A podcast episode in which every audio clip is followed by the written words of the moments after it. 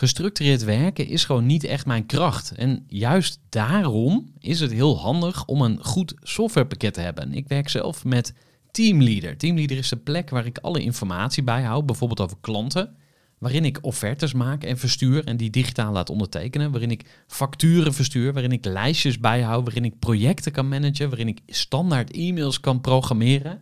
Kortom, ik gebruik Teamleader om alle werkprocessen van mijn bedrijf te stroomlijnen. En zeker ook als je met een team werkt, is het heel fijn om over dezelfde informatie te beschikken.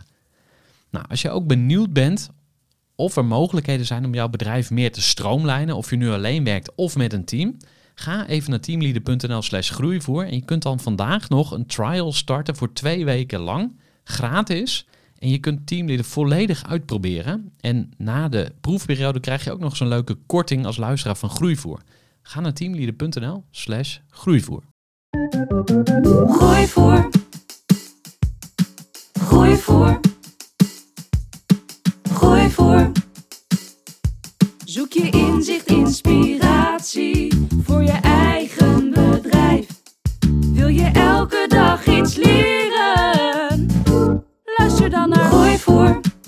Welkom bij een nieuwe aflevering van de Groeivoer podcast. In deze aflevering luister je naar het verhaal van Marius Appelman, oprichter van Riksha Travel. Na zijn studie bedrijfskunde trad Marius in dienst bij een grote corporate.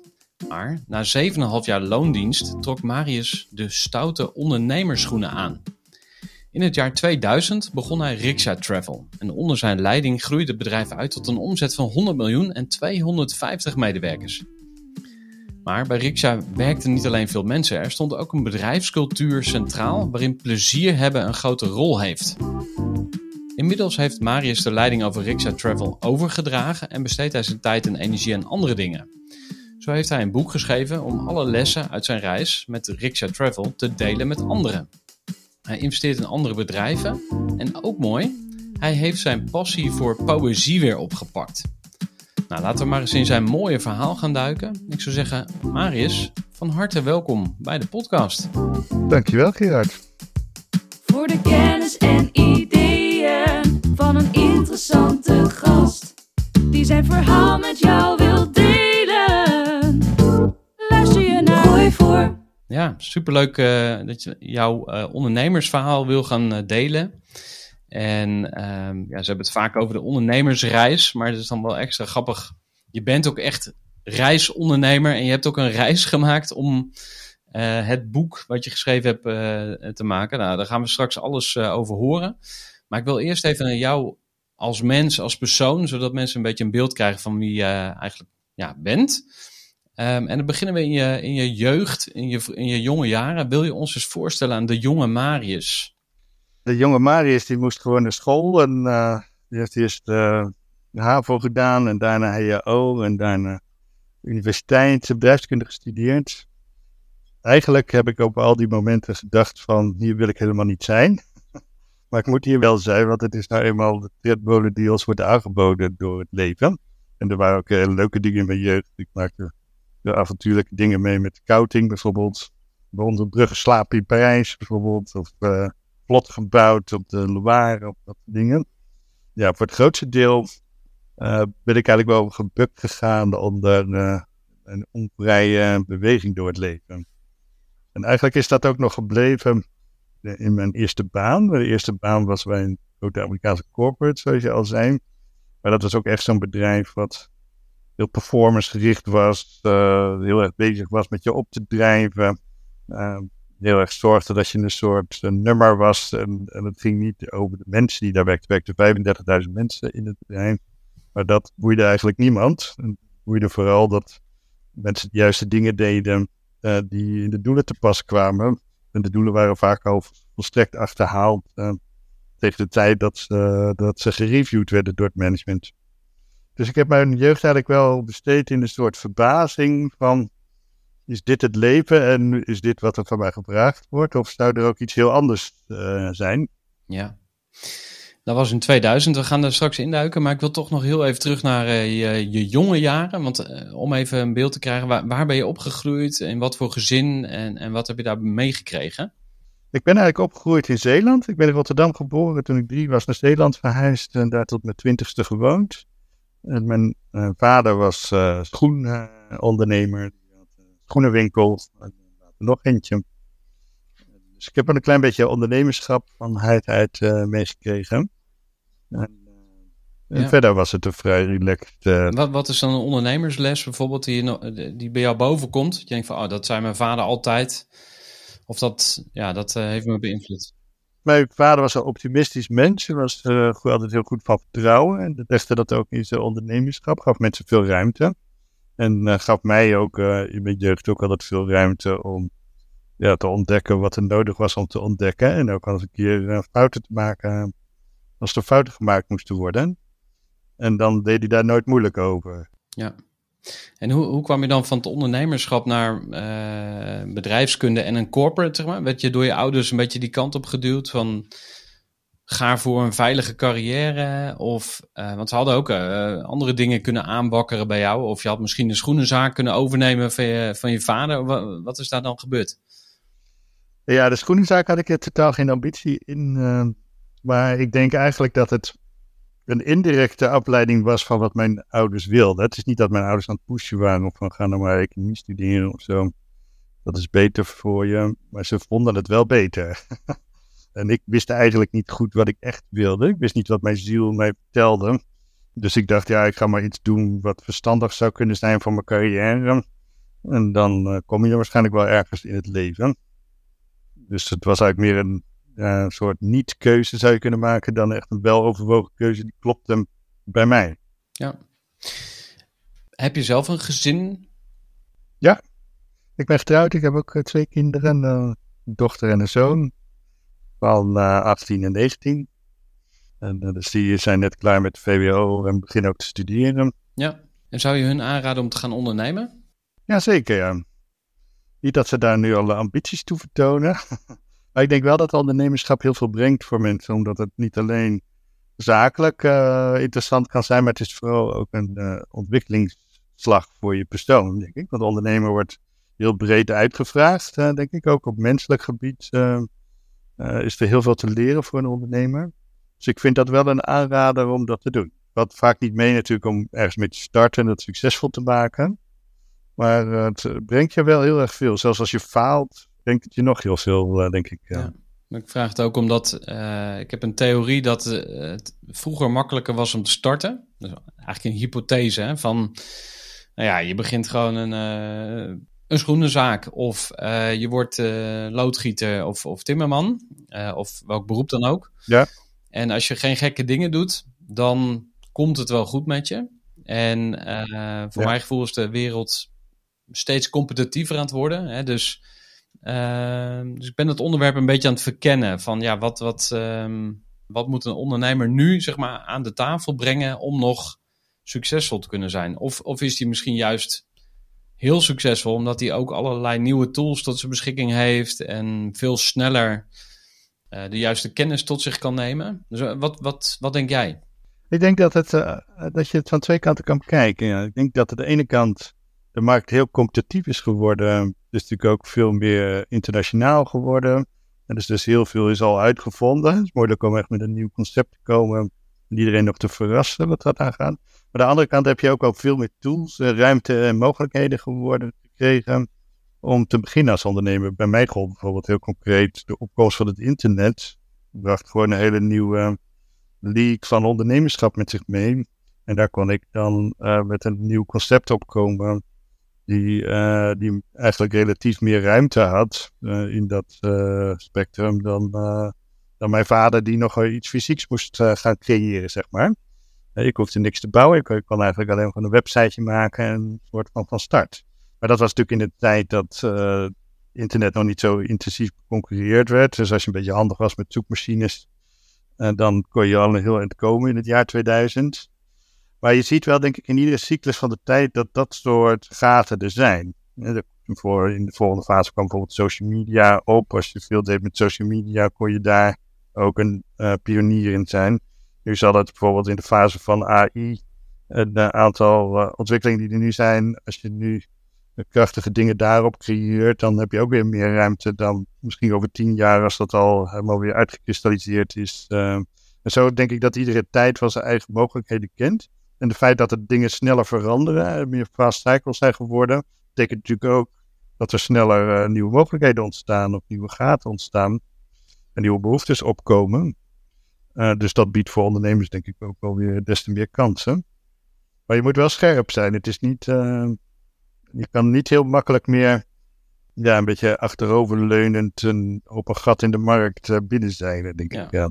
ja, ik zeg het ook omdat ik heb voor de podcast uh, met, uh, ook met grote investeerders gesproken bijvoorbeeld. Ja. En die hebben gewoon complete teams hè, van twintig mensen of, of meer of whatever. Maar gewoon mensen die de hele dag niks anders doen dan op zoek gaan naar business opportunities. Ja. En kijken waar ze geld in kunnen steken. Dus dat, hè, de, de machtsbalans zou je kunnen zeggen in die zin van grote bedrijven. Of ja, die machtsbalans is wel anders misschien dan, dan vroeger. Maar goed, uh, voordat ik als een, als een oude uh, zak uh, ga, ga klinken, gaan we snel um, naar jouw ondernemersverhaal. Want daar komen we natuurlijk ook voor. Nou, wat jij zegt is ook wel heel relevant voor mijn ondernemersverhaal. Denk ik, omdat bij mij was het ook gewoon een, een beslissing van ga ik helemaal op eigen kracht die markt in en proberen die ruimtes in de markt goed te benutten. En ga ik uh, dat doen zonder geld? Um, of ga ik uh, samen met partners uh, en investeerders kracht zetten en sneller accelereren in die markt? Ik heb echt voor dat eerste gekozen. het begon eigenlijk ook al met het feit dat ik totaal geen verstand had van de branche waar ik begon, de, de reisbranche. En achteraf gezien heb ik ook duidelijk gemerkt dat dat eerder een voordeel dan een nadeel was. Um, omdat ik juist daardoor een beetje in de Blue Ocean terecht kwam. Uh, ik, bedacht iets wat misschien door de bestaande reisondernemers krankzinnig zou worden zijn gevonden gezien de, de dynamiek die er op dat moment was. Uh, eigenlijk was de dynamiek in de reisbranche. Je moest veel reclame maken, je moest veel brochures drukken, je moest er op alle uh, deurmatten liggen. je moest een flink merk opbouwen, want ja, anders kenden mensen je niet. Dus ja, er moest flink getrokken en gesleurd worden om die markt binnen te komen. En ik deed dat allemaal niet eigenlijk. Ik begon gewoon met een, uh, een website te maken. En er gebeurde ook iets anders, omdat wij uh, in het begin al dachten van, we willen echt een ander bedrijf creëren als dat die Amerikaanse corporates waar ik vandaan kwam. En zijn we gaan investeren in geluksbeleid en zijn allemaal dingen gaan doen die eigenlijk niks te maken hadden met directe commerciële doelen. Maar ze hadden gewoon te maken van een, met een leuk bedrijf proberen te maken. En het gewoon uh, energie willen geven. En mensen blij willen maken die bij ons werken. En toen bleek eigenlijk dat dat commercieel best wel uh, een krachtige ja, kracht ontketende. Want we hadden een gammele website.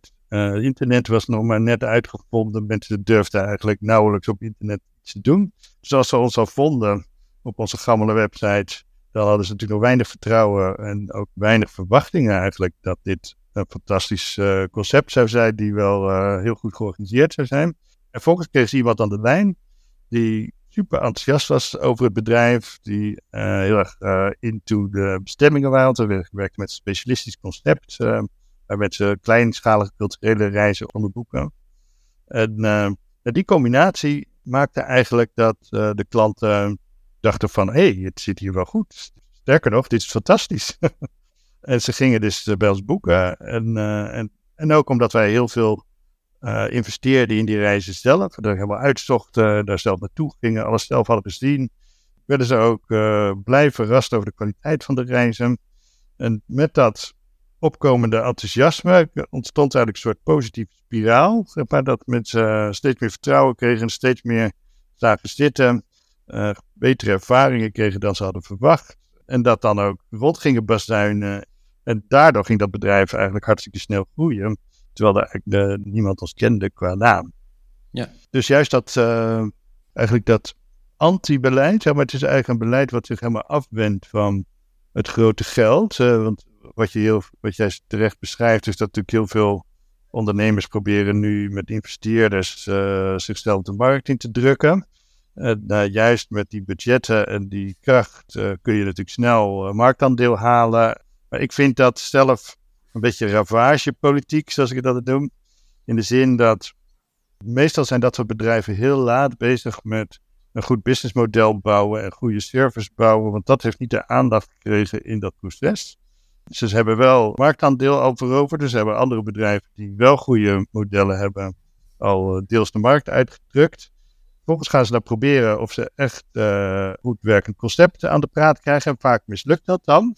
En dan uh, blijft er eigenlijk een soort kadaver over. Uh, die dan geleid, geleidelijk aan te zielen gaat. Maar heeft wel heel veel schade aangericht ondertussen.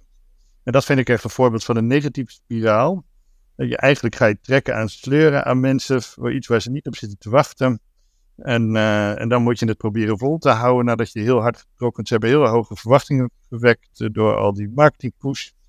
En het kan eigenlijk alleen nog maar tegenvallen vanaf dat punt. Uh, en het wordt ook, moet steeds goedkoper, want je moet het toch op volume zien te houden. Dus de kwaliteit moet verder naar beneden.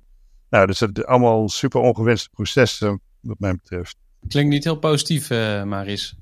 Nee, ik denk dat het maatschappelijk gezien heel ongewenst is dat dat soort processen plaatsvinden. Ja.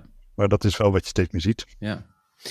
Hey, wil je ons nog eens meenemen naar die begintijd van, van Riksha? Want ik, ik ben nog zo benieuwd naar de conceptie, zeg maar. De, de, waar, waar is dat vonkje ontstaan? Uh, dat je stopte met je baan in loondienst. Ja. En dan even de, zeg maar, de sprong naar Riksha. Had je eerst een, een plan uh, van, oh, ik ga een reisbedrijf bedrijf starten. Ik, ik ga het Riksha noemen.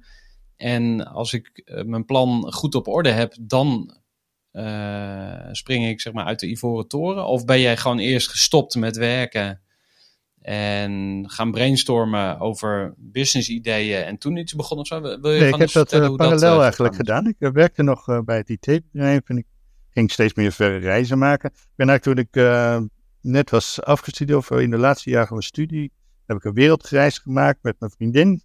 En daar een beetje die passie opgelopen voor backpacken, kleinschalige culturele reizen. Dat vond ik fantastisch om te doen. Dus ik dacht, uh, als ik daar iets mee kan doen, dan wordt het wel wat. En tijdens het werken bij het IT-bedrijf deed ik vaak een reis van een paar weken. En ik heb op een een unpaid leave gemaakt in 1999. Van twee maanden heb ik in Indonesië rondgereisd. En dus ik ben steeds meer gaan scouten en kijken van, zou je iets kunnen met het reizen? Kan ik uh, contacten opdoen die mij daarbij kunnen helpen. Dus ik ben het gewoon uh, een beetje in kaart, een beetje half serieus nog in die eind jaren. Dan ga ik deze stap echt maken of ga ik het gewoon een beetje uh, kijken, zeg maar. En ja, toen kreeg het eigenlijk steeds meer vorm. En toen ben ik het ook echt gaan beginnen. terwijl ik nog steeds bij het IT-bedrijf werk, nog gewoon in de weekenden en de avonden dingen te gaan maken en contacten te leggen. En wat verkocht je dan precies? Aan wie? Ik verkocht nog niks op dat moment. Uh, tenminste niet uh, voor mijn eigen bedrijfje. Want ik heb uh, eigenlijk in de, het jaar 2000, toen ik al zo'n vlak voordat ik de website eigenlijk live zette, ben ik, heb ik ontslag genomen bij het IT-bedrijf. En toen heb ik nog een jaartje ge gewerkt in een soort gelegenheidsbedrijf met vier studievrienden. Dat heette de Brand Strategy Group, met een mooie naam. En wat wij deden daar was uh, onderzoek op het gebied van internet. Internet was een gaaf nieuw iets. En, uh, en dit ging vooral over internetmarketing. En internetmarketing was nog heel nieuw. Dus we dachten, als we daar veel research over ophalen, dan kunnen we dat uh, verkopen. Dan kunnen we mensen helpen met know-how voor internetmarketing. Maar wat gebeurde er in het jaar 2000? Was de tijd van New Economy en de internetbel werd soort van doorgeprikt. En de hele prioriteit om veel te gaan doen met internet en de internetmarketing uh, was even heel laag uh, in die periode. Dus met die, uh, dat researchbureau werd het eigenlijk niks.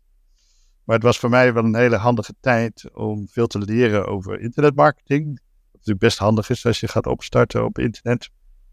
En het was ook, ik kreeg ook veel ruimte van mijn studiematen om alvast uh, dingen te gaan doen voor het bedrijf. En toen ik live ging, werkte ik daar nog steeds uh, een tijdje. En toen uh, konden ook gewoon door klanten worden gebeld. En dan zat ik gewoon tussen het werk van het researchbureautje door, zat ik klanten te helpen met reizen. En zo ja, ontstond een beetje de opening om geleidelijk aan dat steeds serieuzer te gaan doen. En toen zijn we eigenlijk gestopt met dat researchbedrijf, want dat had eigenlijk geen zin meer. En toen ben ik volledig overgegaan XZ Travel. Ja, en weet je nog wie je eerste klant was? ja, dat weet ik nog goed. Ja, dat was een man uit Rotterdam. Die, en ik vond sowieso, die mijn eerste klant vond ik echt helder. ik dacht, dat jij dat durft, zeg maar, om 3000 gulden, we hadden toen nog guldens, uh, uitgegeven zonder dat je mij gezien hebt, zonder dat je echt concreet weet. Uh, je koopt toch een abstract product op, uh, op internet. Je weet niet echt wat je gaat doen, zeg maar, of het wel goed is. maar je durft het wel. En zo, dus de eerste paar klanten was ik echt verbaasd over dat ze er ook gingen boeken en dat gingen doen. En geleidelijk aan raak je daar wel een beetje aan gewend. Maar ik kan nog steeds heel goed het gevoel ophalen van die eerste boeking die dan binnenkomt. En die eerste paar boekingen. Van wow, mensen die willen dit echt. En ze hebben geld overgemaakt. Wat gebeurt hier? Ja. Ja, precies. En, en die, eh, die namen wel, ja, dus was echt in de begintijd van internet online een reis boeken. Die mensen, dat moeten ook echt wel een beetje early adopters geweest zijn. Die gewoon, ja, en, en je moet een beetje centen hebben. En even uit nieuwsgierigheid, met die, die compagnons, uh, was er niet iemand die zijn hand opstak en zei: Ik wil ook meedoen? Of, of ben je uiteindelijk met een of meer van hun uh, gestart? Of ja, ik heb. Uh, heb je het alleen gedaan? Ik heb eerst. ik woonde in een klein hofje in Leiden en daar woonde ook een vriend van mij. En die zat, in het begin zat ik altijd te zwoegen op zolder om die op de website in elkaar te zetten en zo. En hij zat dan lekker in de tuin aan een biertje. En op een gegeven moment dacht hij van, weet je wat, ik ga jou gewoon helpen. Dus toen waren we met z'n tweeën en hij, ik had toen de Thailand-site live gezet en hij is daar in de verkoop daarvan gaan runnen. En ik ben naar Vietnam gegaan om Vietnam op te zetten als tweede bestemming. En dus zo begonnen we alweer te verdubbelen, zeg maar. Um, en even later, in de loop van 2001, eind van 2001, is ook iemand van de voormalige MBBS uh, erbij gekomen. MBS was een groot reisbedrijf in Nederland. Die ook werkte met individuele reizen. En, de, en, de, inkoper eigenlijk van de MBBS, die alle verre reizen inkocht, die konden we strikken. Want de MBBS die ging failliet met 9-11 in september 2001. Dus we kregen toen ook echt de reisexpertise binnen het bedrijf, wat daar hard nodig was. Want de reisbranche is best wel een technische branche met veel uh, specifieke dingen waar je verstand van zou moeten hebben. En wat, wat zijn dan die technische dingen? Je hebt uh, best wel een grote aansprakelijkheid uh, als je reizen organiseert. Dus je moet zorgen dat dat er goed over nagedacht is, dat je contracten doortimmerd zijn, dat het goed verzekerd is bijvoorbeeld. Maar je moet ook de financiële risico's goed afdekken, dus lid worden van de SGR bijvoorbeeld. Maar die gaat ook allerlei eisen stellen. dat is ook een heel inhoudelijk proces. Dan heb je de ANVR, de brancheorganisatie, waar je lid van kan worden, die dus veel credibility creëert. Je hebt bijvoorbeeld de reisverzekeringswereld, om verstand van te hebben. Het boeken van vluchten is ook geen sinecure, soms ook een hele technische affaire waar je bijvoorbeeld met uh, grote computersystemen moet werken die nog vrij archaïs zijn.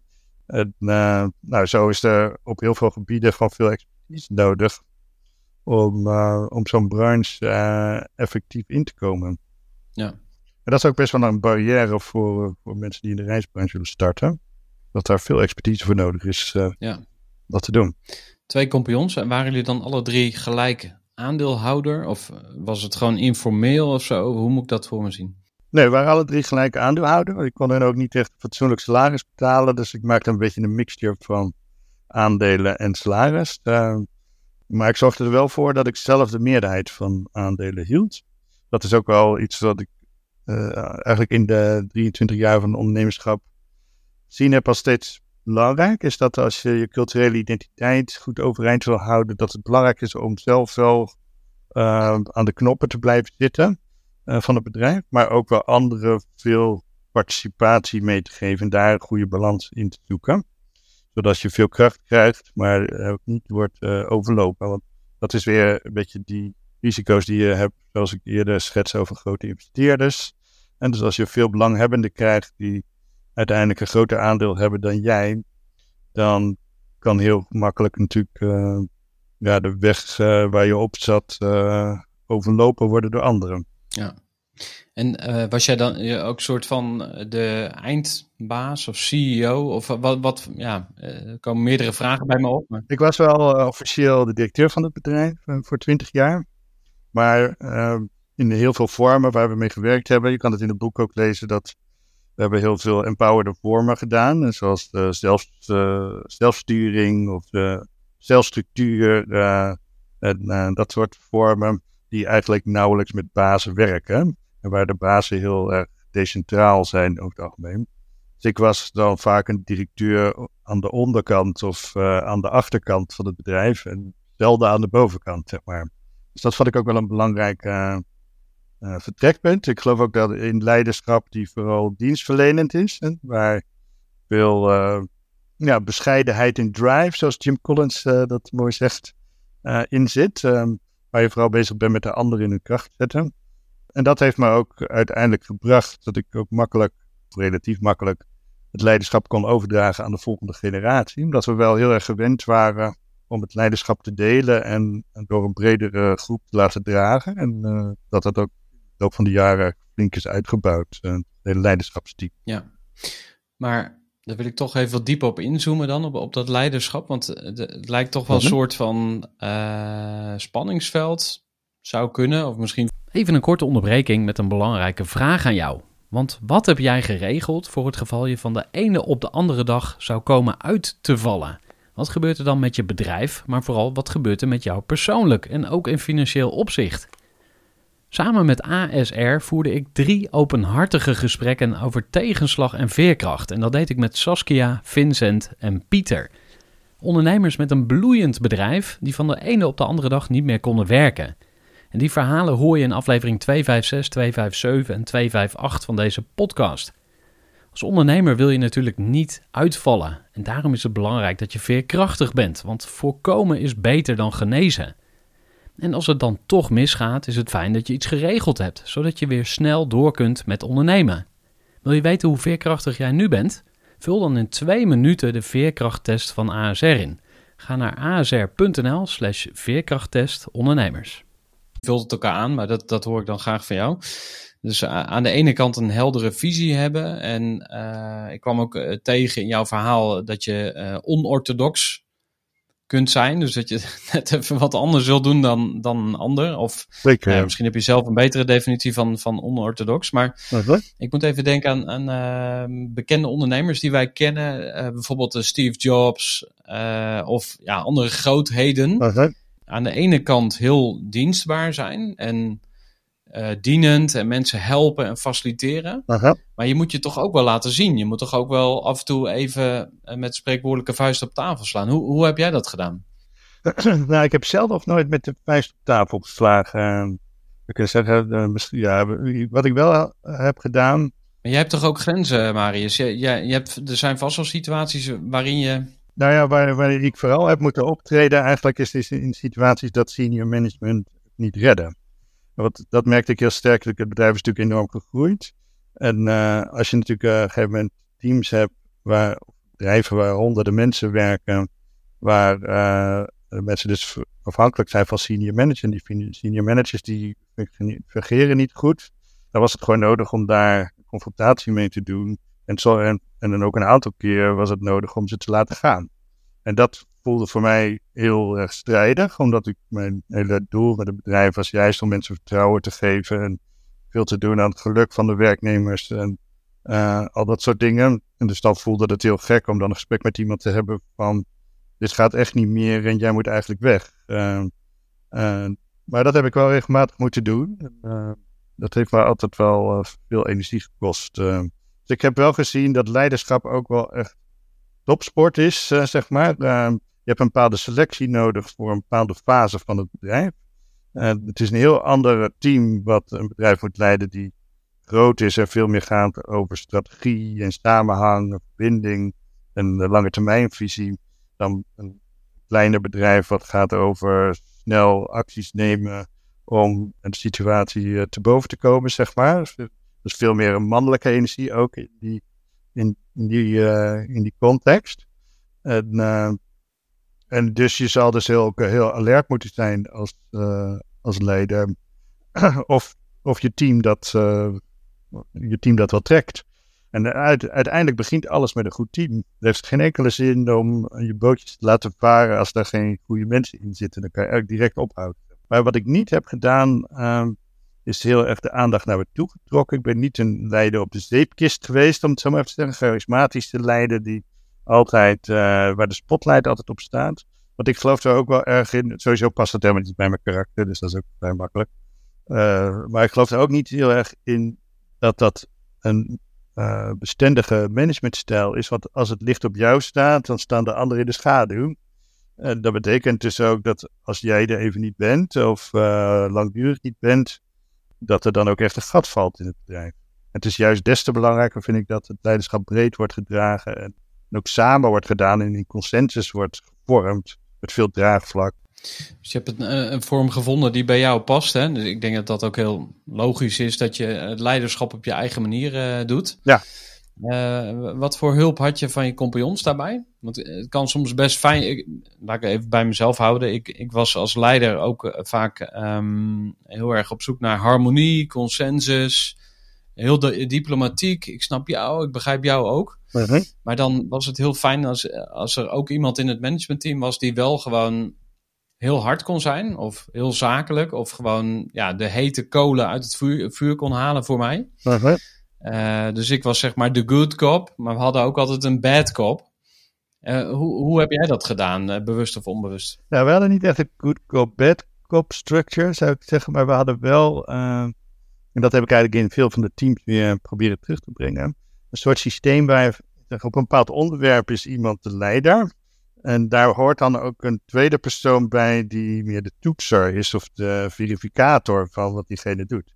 En ik ben in veel teams ideevormer ge geweest. Ik ben, was vroeger altijd of ik doe kijk nog steeds, ik was hier veel aan het dromen thuis over nieuwe uh, ideeën en mogelijkheden die er waren. En dan bracht ik dan uh, naar de zaak en dan ging ik daarmee sparren met mijn compagnons en, met de rest van het managementteam.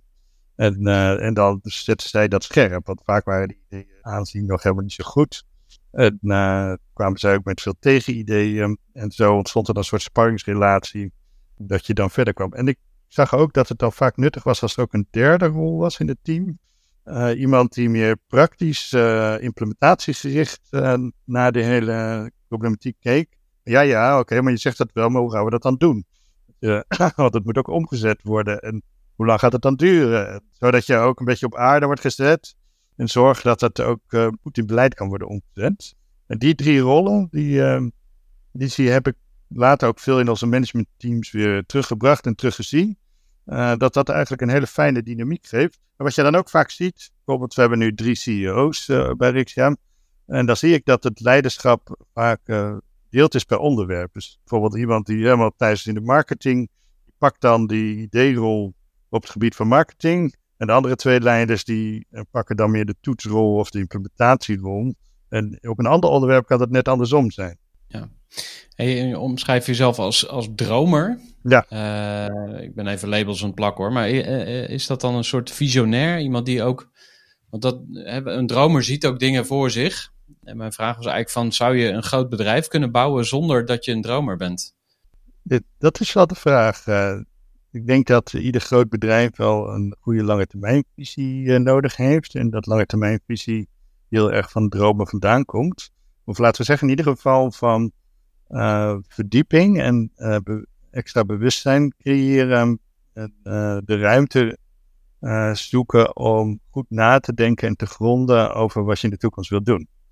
En dat hoeft niet per se in droomvorm, denk ik, te worden aangereikt. Maar droom is wel een hele effectieve methode daarvoor, vind ik. Uh, omdat dat je helpt om je los te maken van de modder waar je in staat. En uh, ja, wat meer ruimtelijke modus in kan stappen. Waar veel dingen kunnen binnenvallen. En heel veel ideeën en uh, visies voor de lange termijn komen toch een beetje uit de lucht vallen, lijkt soms. Dan lukt het soort van uit het universum.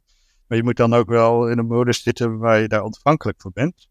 Ik heb heel erg ervaren dat die dromen dat voor mij deden. Eigenlijk het grappige was, vroeger vond ik dat altijd heel erg voelen als verspeelde tijd. Ik zat ook altijd dromen op de lagere school en dan keek ik uit het raam en iedereen die schuldigde me dan van uh, luiheid en ineffectiviteit. En dat was ook gewoon zo. Ik was gewoon lui wat. En uh, pas uh, na verloop van de, van de jaren heb ik gezien dat het ook eigenlijk een hele productieve modus kan zijn. En dat misschien nog wel de meest effectieve modus van allemaal zelfs kan zijn. En dat is ook wel iets geworden waar ik veel uit heb geput in de zin van, wat ook een beetje een hoofdthema is van het boek Overvloed. Dat als je in zo'n ruimtelijke modus zit, dan betekent dat ook dat je niet overbelast bent en dat je veel energie voelt en dat je veel ruimte voelt. En dat is ook een eh, hele goede, een hele goed vertrekpunt om ook ruimte aan anderen te laten. Kwaliteit te stichten en kijken naar de omweg die er misschien soms nodig is om het wat beter te doen. Dat zijn toch allemaal vertrekpunten die ja, leiden tot openingen en nieuwe uh, kwaliteit uh, en die een beetje uit je bestaande tunnels halen. En heel veel uh, bereik eigenlijk in een bedrijf die ja, misschien naar een volgend level wil of een doorbraak wil gaan maken uit de realiteit van waar het nu is. Klinkt uh, een beetje als uh, hoofdstuk 4 of deel 4 uit je boek. Hè? Ga over het spirituele stuk. -huh. Ik weet niet of het klopt, maar de, daar, daar neigt het naar. Daar ja. gaan we zo meteen natuurlijk ook nog uh, op terugkomen. Ja. Maar ik heb nog één vraag uh, die steeds nog in mijn achterhoofd terugkeert. Is van, uh, hoe zat jullie verdienmodel in elkaar? -huh. En wat, wat voor rol had geld ook in jouw ondernemerschap? Dat is een hele goede vraag inderdaad. Want ik ben eigenlijk begonnen met het idee van ik ga hier geen geld mee verdienen. Met of weinig geld mee verdienen met dit bedrijf omdat ik verdiende veel geld bij het IT-bedrijf. Ik verdiende daar meer dan een ton. Uh, ik ging echt bewust uh, voor kwaliteit, zeg maar, voor mijn eigen ding doen. Iedereen verklaarde me van gek. Uh, ik dacht, ja, je hebt een goede baan en uh, verdient toch veel geld. Wat doe je nou? En gelukkig stond mijn vrouw wel achter me. En dus ik ben eigenlijk met die, met, met die relatie tot geld ben ik eigenlijk begonnen aan het bedrijf. En ja, en toen werd het dus eigenlijk toch heel succesvol, ook uh, in uh, geldelijke zin gezien. En is het bedrijf eigenlijk is altijd winstgevend geweest, behalve in 2000, in het ergste COVID-jaar, zeg maar. Is eigenlijk in al die jaren het bedrijf, het bedrijf goed geld verdiend. En dat kwam eigenlijk door de dynamiek, die ik al eerder beschreef, van wij gaven bijna niks uit aan reclame. Dat zijn reisbedrijven die 10% van hun omzet omzetten in reclame. En uh, wij gaven dus alles achter de schermen uit aan onze mensen en onze service. Maar dat, omdat dat toch ook goed werkte en we op die fiets eigenlijk ook gewoon marktleider werden in onze uh, manier van reizen, uh, ja, konden wij nog veel meer ruimte maken om uh, ook een marge te maken. Want we hadden gewoon relatief weinig kosten in het model. En en zolang we steeds weer nieuwe toegevoegde waarde konden aanboren, en dat deden die mensen, want die waren bezig met goede service creëren en met steeds betere producten creëren, konden we dus ook uh, ja, dat model heel goed overeind houden. We eigenlijk steeds beter. Maar wat wel een uitdaging uh, was, was toen we eenmaal wat groter bedrijf werden. Zeker toen we ongeveer 100 mensen hadden in Nederland en 100 mensen in Duitsland. Toen zag je dat de overhead behoorlijk begon uit te dijen, zeg maar. Uh, er waren steeds meer functies werden er gecreëerd die hard nodig waren volgens de, de inhoudsdeskundigen. je had opeens wel een, een Scrum manager nodig bijvoorbeeld, of een, of een extra IT-manager, of iemand die gespecialiseerd was in programmering, of in, in SEO-optimalisatie, of et cetera. Er kwamen steeds meer gespecialiseerde functies bij. En iedere discipline schreeuwde om meer. Want het was natuurlijk belachelijk dat je met zo weinig mensen deze discipline goed kon doen. En die werd bovendien ook nog eens een keer gedupliceerd in het buitenland. En we hadden Engeland en in uh, Duitsland hadden we vergelijkbare functies zitten. Dus wat je zag is dat eigenlijk oncontroleerbare uh, ballon ontstaat vanuit de overheid. En die ging wel echt de winst uh, flink decimeren, zeg maar. Eigenlijk zijn we vlak voor COVID in 2018, 2019 heel, 19 heel bezig geweest van als wij nou gewoon dit uitgedijde bedrijf weer gaan zien als start-up, met alle start-up vertrekpunten, wat zou je dan handhaven in het bedrijf en wat zou je dan niet meer nodig hebben? En zo zijn we een beetje gaan kijken van waar zit de, waar zit de slack in het bedrijf? En er was heel veel, maar het was ook moeilijk om er vanaf te komen, omdat wij heel veel weerstand natuurlijk op staat. Omdat iedereen het zo hard nodig vond dat die functies er waren en die gespecialiseerde dingen er allemaal bestonden. En toen kwam COVID eraan en die zette het bedrijf volledig op zijn kop. Uh, en uh, toen hadden we opeens nog maar uh, minder dan de helft van de mensen over binnen en buitenland. En toen kon dat opeens natuurlijk wel allemaal. Toen, ja, toen kon het niet anders, zeg maar. Want je, je moest met een paar mensen moest je de boel gaande houden. En toen waren we eigenlijk weer opnieuw die start-up die gewoon lean en mean het bedrijf goed kon opzetten. En toen bleek ook hoeveel je kon doen met zo weinig mensen. En hoe effectief alles weer werd. Dus dat vond ik wel een heel interessante ontdekking als het ging over businessmodellen. Dat dat ja, heel erg samenhangt met de dynamiek rondom overhead en de druk die er van buiten staat op je bedrijf. De noodzaak om de, wat je daar noodzakelijk is om de overhead af te bouwen of niet. Um. Ja. Um, laten we naar je boek gaan. Ja. Hoogste tijd. We zijn al een heel eind in gesprek. We hebben al heel veel lessen gehoord over uh, je ondernemerschap. Ja, veel dingen die we besproken hebben staan over in het boek. Dus dat wel. Ja, nee, maar ik kan me goed voorstellen dat mensen, uh, als je luistert, dat je dan ook denkt van oké, okay, ik wil het nog eens even teruglezen van wat is er nou precies gebeurd? Hoe zit dat? Ja. En um, als ik jouw boek lees, zeg maar, voelt het ook wel een beetje als een soort van handleiding of een, een, een stappenplan. Ja, dat doe ik het misschien te kort mee, maar het is wel bijna een soort methode geworden. Ja. Uh, misschien heel kort, waarom wilde je graag een boek schrijven? En dan uh, laten we dan snel naar de inhoud gaan. Uh, om, om eens ja, te delen van wat, ja, wat zijn de stappen of welke onderdelen zitten er in het boek. Ja. Waar je volgens jou over na moet denken. Ja, nou, ik wilde graag een boek schrijven, omdat ik ben gestopt als leider van het bedrijf in 2020. Ik had ruimte om dingen te doen en ik wilde wel impact blijven hebben. En een van de impactvolle dingen die ik graag wilde doen, was het goed opschrijven van ons verhaal. Omdat ik het gevoel had dat we zoveel hadden ontdekt onderweg en zoveel eigenwijs dingen hadden gedaan. Ook vaak op ons bek waren gegaan daarmee. Dat het heel goed zou zijn om al die lessen een keer goed op te schrijven. Met twee uh, publieken in, uh, in gedachten. Eén was de Riksja-medewerkers zelf, binnen- en buitenland, in het netwerk uh, die voor ons werkt in, in de bestemmingslanden. omdat ik belangrijk vond dat, uh, ja, zeg maar, waarom we het bedrijf zijn gestart en al die afslagen die we hebben genomen, niet verloren gaan in de bedrijfspraktijk van de toekomst. Want ik dacht, al die ankers die we uit hebben gegooid en al die waarden die we hebben ontgonnen, die wil ik eigenlijk graag uh, overeind laten in de toekomstige management van het bedrijf. Dus iedere medewerker heeft een boek gekregen en als ze het boek lezen, dan kunnen ze ook het huidige management toetsen en beoordelen van ja, is dit, komt het eigenlijk nog wel uit de verf zoals het bedoeld is. En, uh, en ook alle lessen meenemen die we uh, in de loop van de tijd hebben geleerd. Maar voor de tweede doelgroep was is eigenlijk meer het management of andere ondernemers uh, die ook bewust aan het nadenken zijn over hun eigen proces.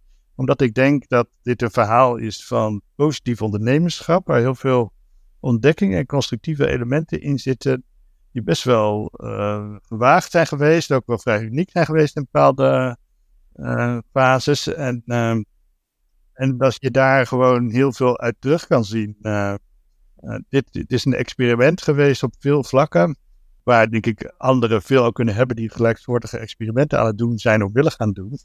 En, en ik vind het belangrijk dat positief ondernemerschap ook met een meer maatschappelijke doelstelling veel meer doordringt in de maatschappij die toch uh, ja, nog heel erg uh, geldgedreven is en door klassieke doelen wordt gedomineerd uh, over het algemeen. Ja. Je hebt het in je boek over vier dimensies. Ja. Mentaal, sociaal, fysiek en spiritueel. Ja. Is het waardevol om die eens bij langs te gaan? Want ja. het zijn natuurlijk grote onderwerpen, maar ik denk toch goed om, om, om daar wat dieper op in te zoomen. Ja. Waarom heb je voor die opbouw gekozen en wil je de inhoud eens toelichten? Ja, het beeld van die vier dimensies uh, heb ik eigenlijk een beetje gejat van uh, Stephen Covey. Uh, Stephen Covey met zijn Seven Habits, ehm, die gaat heel erg op in van wat is eigenlijk, uit welk hout is een goede ondernemer gesneden of een goede manager? En wat zijn de dingen die hem dragen? En hij steunt dat op die vier dimensies. Als je goed werkt aan je eigen fysiek en aan, aan hoe je nadenkt over dingen, over je eigen spiritualiteit en over je sociaal-emotionele kant, zeg maar. en je, je bouwt dat steeds sterker op in die vier dimensies, dan is jouw zaag is altijd scherp als ondernemer of als manager. Dan ben je in staat om goed beslagen te ijs te komen en de dingen het beste te doen. Ik dacht, dat is eigenlijk een heel mooi beeld voor een bedrijf eigenlijk ook. Want voor een bedrijf geldt datzelfde. Dat je, je bent constant eigenlijk aan het bouwen en aan het schaven op een aantal gebieden. Je probeert het bedrijf zo sterk mogelijk te krijgen. Maar wat zijn dan de dragende factoren die echt belangrijk zijn daaronder? Ik dacht, nou, dat zijn eigenlijk wel die vier. Het gaat eigenlijk ook heel erg over de keuzes die je maakt, de rationele beslissingen. Het gaat over het sociale, het hele samenwerking. Het bedrijf is één grote sociale gemeenschap natuurlijk, die je aan de praat wil krijgen. Uh, maar het gaat ook heel erg over uh, het fysieke. Welke vormen kies je? Zoals bijvoorbeeld ook de zelfsturing en de stelstructuur waar we het al over hebben gehad. Uh, ja, die vormen die veranderen steeds. Die zijn ook heel bepalend van of het bedrijf succesvol is of niet. En het gaat ook over het spirituele stuk. van hoe, hoe is het hele bewustzijn van het bedrijf zich aan het ontwikkelen? Hoe neem je mensen daarin mee? En hoe komt het bedrijf steeds verder als een bewust ontwikkelende organisatie? Maar wat ook interessant is, denk ik, is om wel naar ook een beetje het centrale thema mee te nemen van het boek. En die komt dan wat meer terug in het slot, en waar ik eigenlijk samenbreng de formule van overvloed en wat, wat de elementen daarvan zijn en hoe dat dan precies werkt. Want eigenlijk loopt dat als een soort rode draad door die dimensies heen. En zit in alle dimensies onderdelen die helpen die overvloedmethode op te bouwen. Ja, het is ook niet voor niks de ondertitel natuurlijk, hè, met een organisatie op weg naar overvloed. Uh, misschien ja. nog heel even over die vier uh, aspecten. Is er eentje die jij. Eigenlijk heb ik al een, een, een vooringenomen een beeld. Uh, mijn gevoel zegt dat jij dat spirituele het belangrijkste vindt. maar aan de andere kant nou, denk ik, ja, die andere heb je misschien ook nodig. Ik bedoel, hoe ga je een, een goede business ja, bouwen? Ik denk dat ze eigenlijk alle, alle vier heel belangrijk zijn. Dus ik zou niet per se van één willen zeggen dat het belangrijk is. Je kan eigenlijk niet, net zoals je kan niet op één been lopen. Uh, je kan er ook niet uh, een van die dimensies weglaten. wil het goed gaan in een bedrijf. Een bedrijf is toch ook een rationele wereld waar het staat voor rationele keuzes. En wij zijn, uh, hebben heel veel eigenwijze keuzes gemaakt die, waarvan je denkt van dat gaat al wel heel ver. maar vervolgens hebben we daarover geleerd en hebben ze weer aangepast en weer aangescherpt. En het was toch ook wel gewoon belangrijk om heel rationeel in het bedrijf te staan en sommige eh, dingen gewoon op die manier eh, anders te doen. Maar ook bijvoorbeeld over samenwerking en manier waarop intrinsieke motivatie kan worden geopend. Daar gaat het hoofdstuk ook van groot deel over. En het leiden, soort leiderschap wat er nodig is om tot een ja, vertrouwensorganisatie te komen die naar overvloed kan bewegen. Ja, dat is ook wat mij betreft een heel wezenlijk verhaal, omdat het zo veel kanten heeft eigenlijk in de organisatie om tot goede samenwerking te komen. Dat ook zo fragiel is, omdat je ook mensen zo in de weg kan zitten als je te controlerend wordt of te bepalend wordt, uh, te veel als management uh, je stempel daarop wil drukken. Dus dat is ook iets wat enorm belangrijk is in bedrijven om goed over na te denken en veel te doen. Daar zijn we heel veel mee bezig geweest. Uh, hebben we ook weer veel fouten in gemaakt. Dus, dus dat vind ik ook een belangrijk stuk van het, van het boek.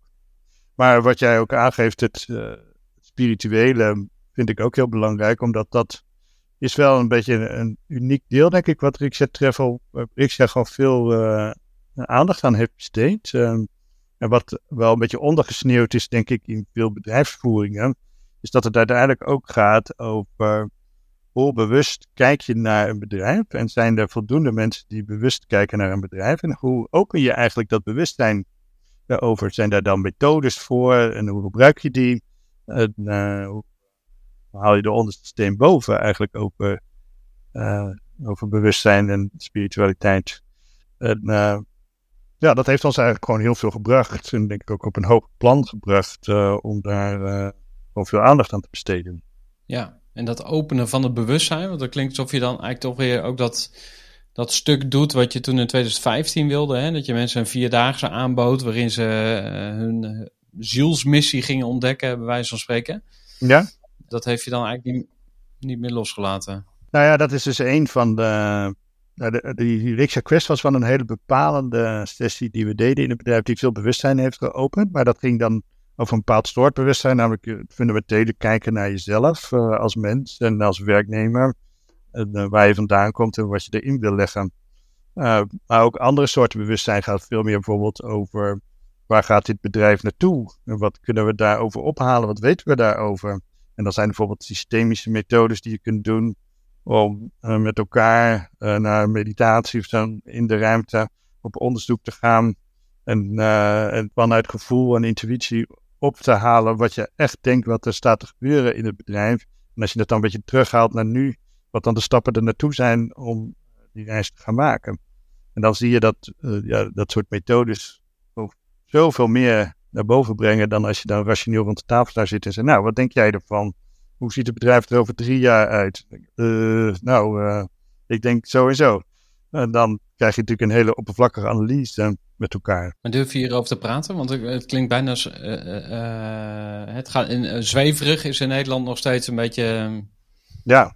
Negatief woord. spiritueel is denk ik wel vrij mainstream.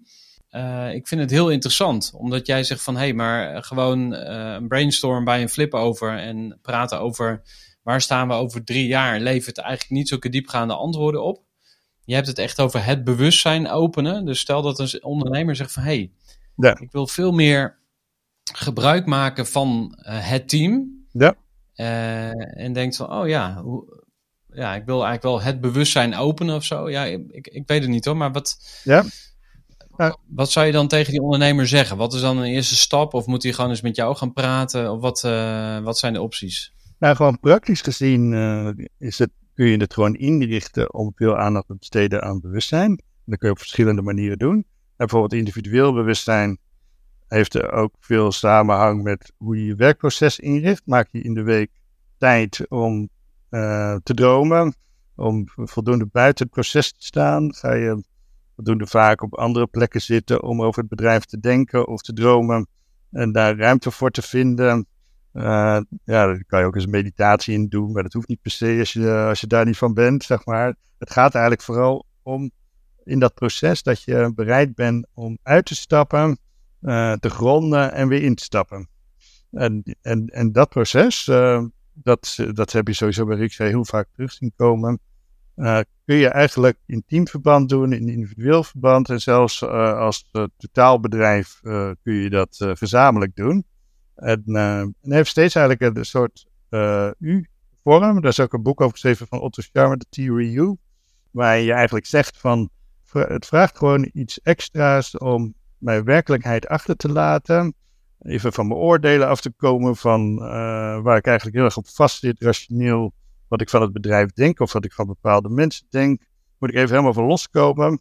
En dan kom ik bij een soort grondingspunt, of een nieuwe presencing point, zoals Otto Scharmer dat noemt. En dan kan ik weer opnieuw gaan bepalen van oké, nu ben ik helemaal fris. Kijk ik weer naar voren, naar het beleid wat gevormd moet worden en de stappen die ertussen liggen om dat beleid te vormen vanuit een heel ander uh, vertrekpunt. En dat zie ik steeds eigenlijk als een soort herhalend uh, proces in dat bewustzijnsontwikkelingsproces terugkomen.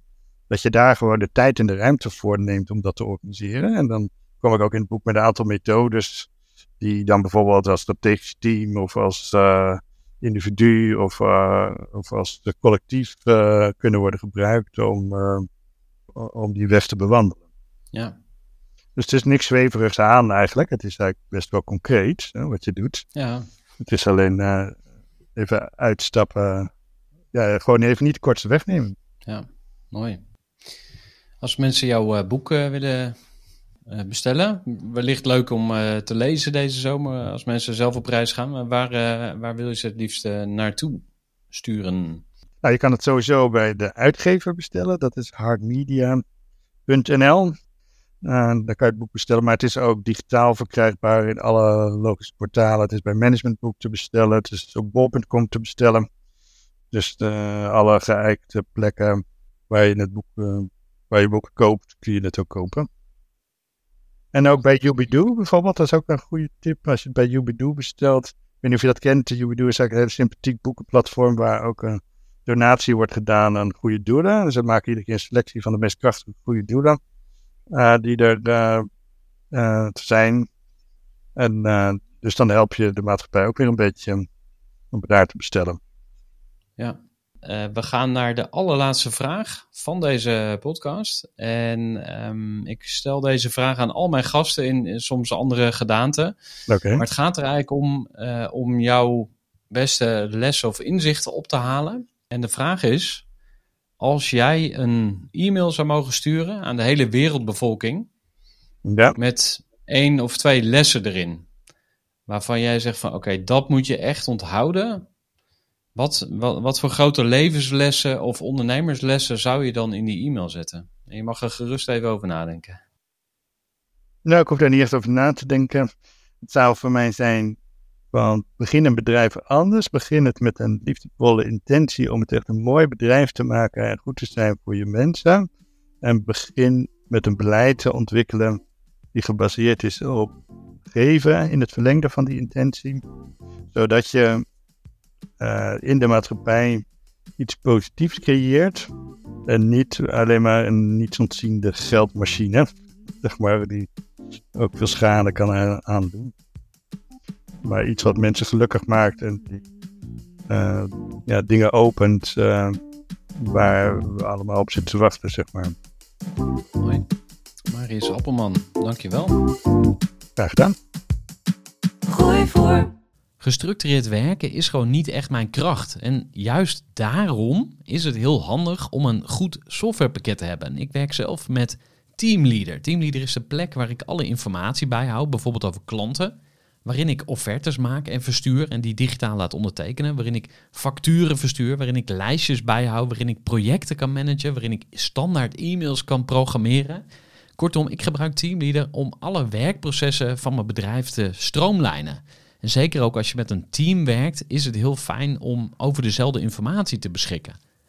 Nou, als je ook benieuwd bent of er mogelijkheden zijn om jouw bedrijf meer te stroomlijnen, of je nu alleen werkt of met een team, ga even naar teamleader.nl slash groeivoer en je kunt dan vandaag nog een trial starten voor twee weken lang, gratis.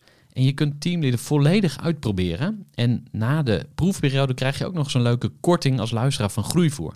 Ga naar teamleader.nl slash groeivoer.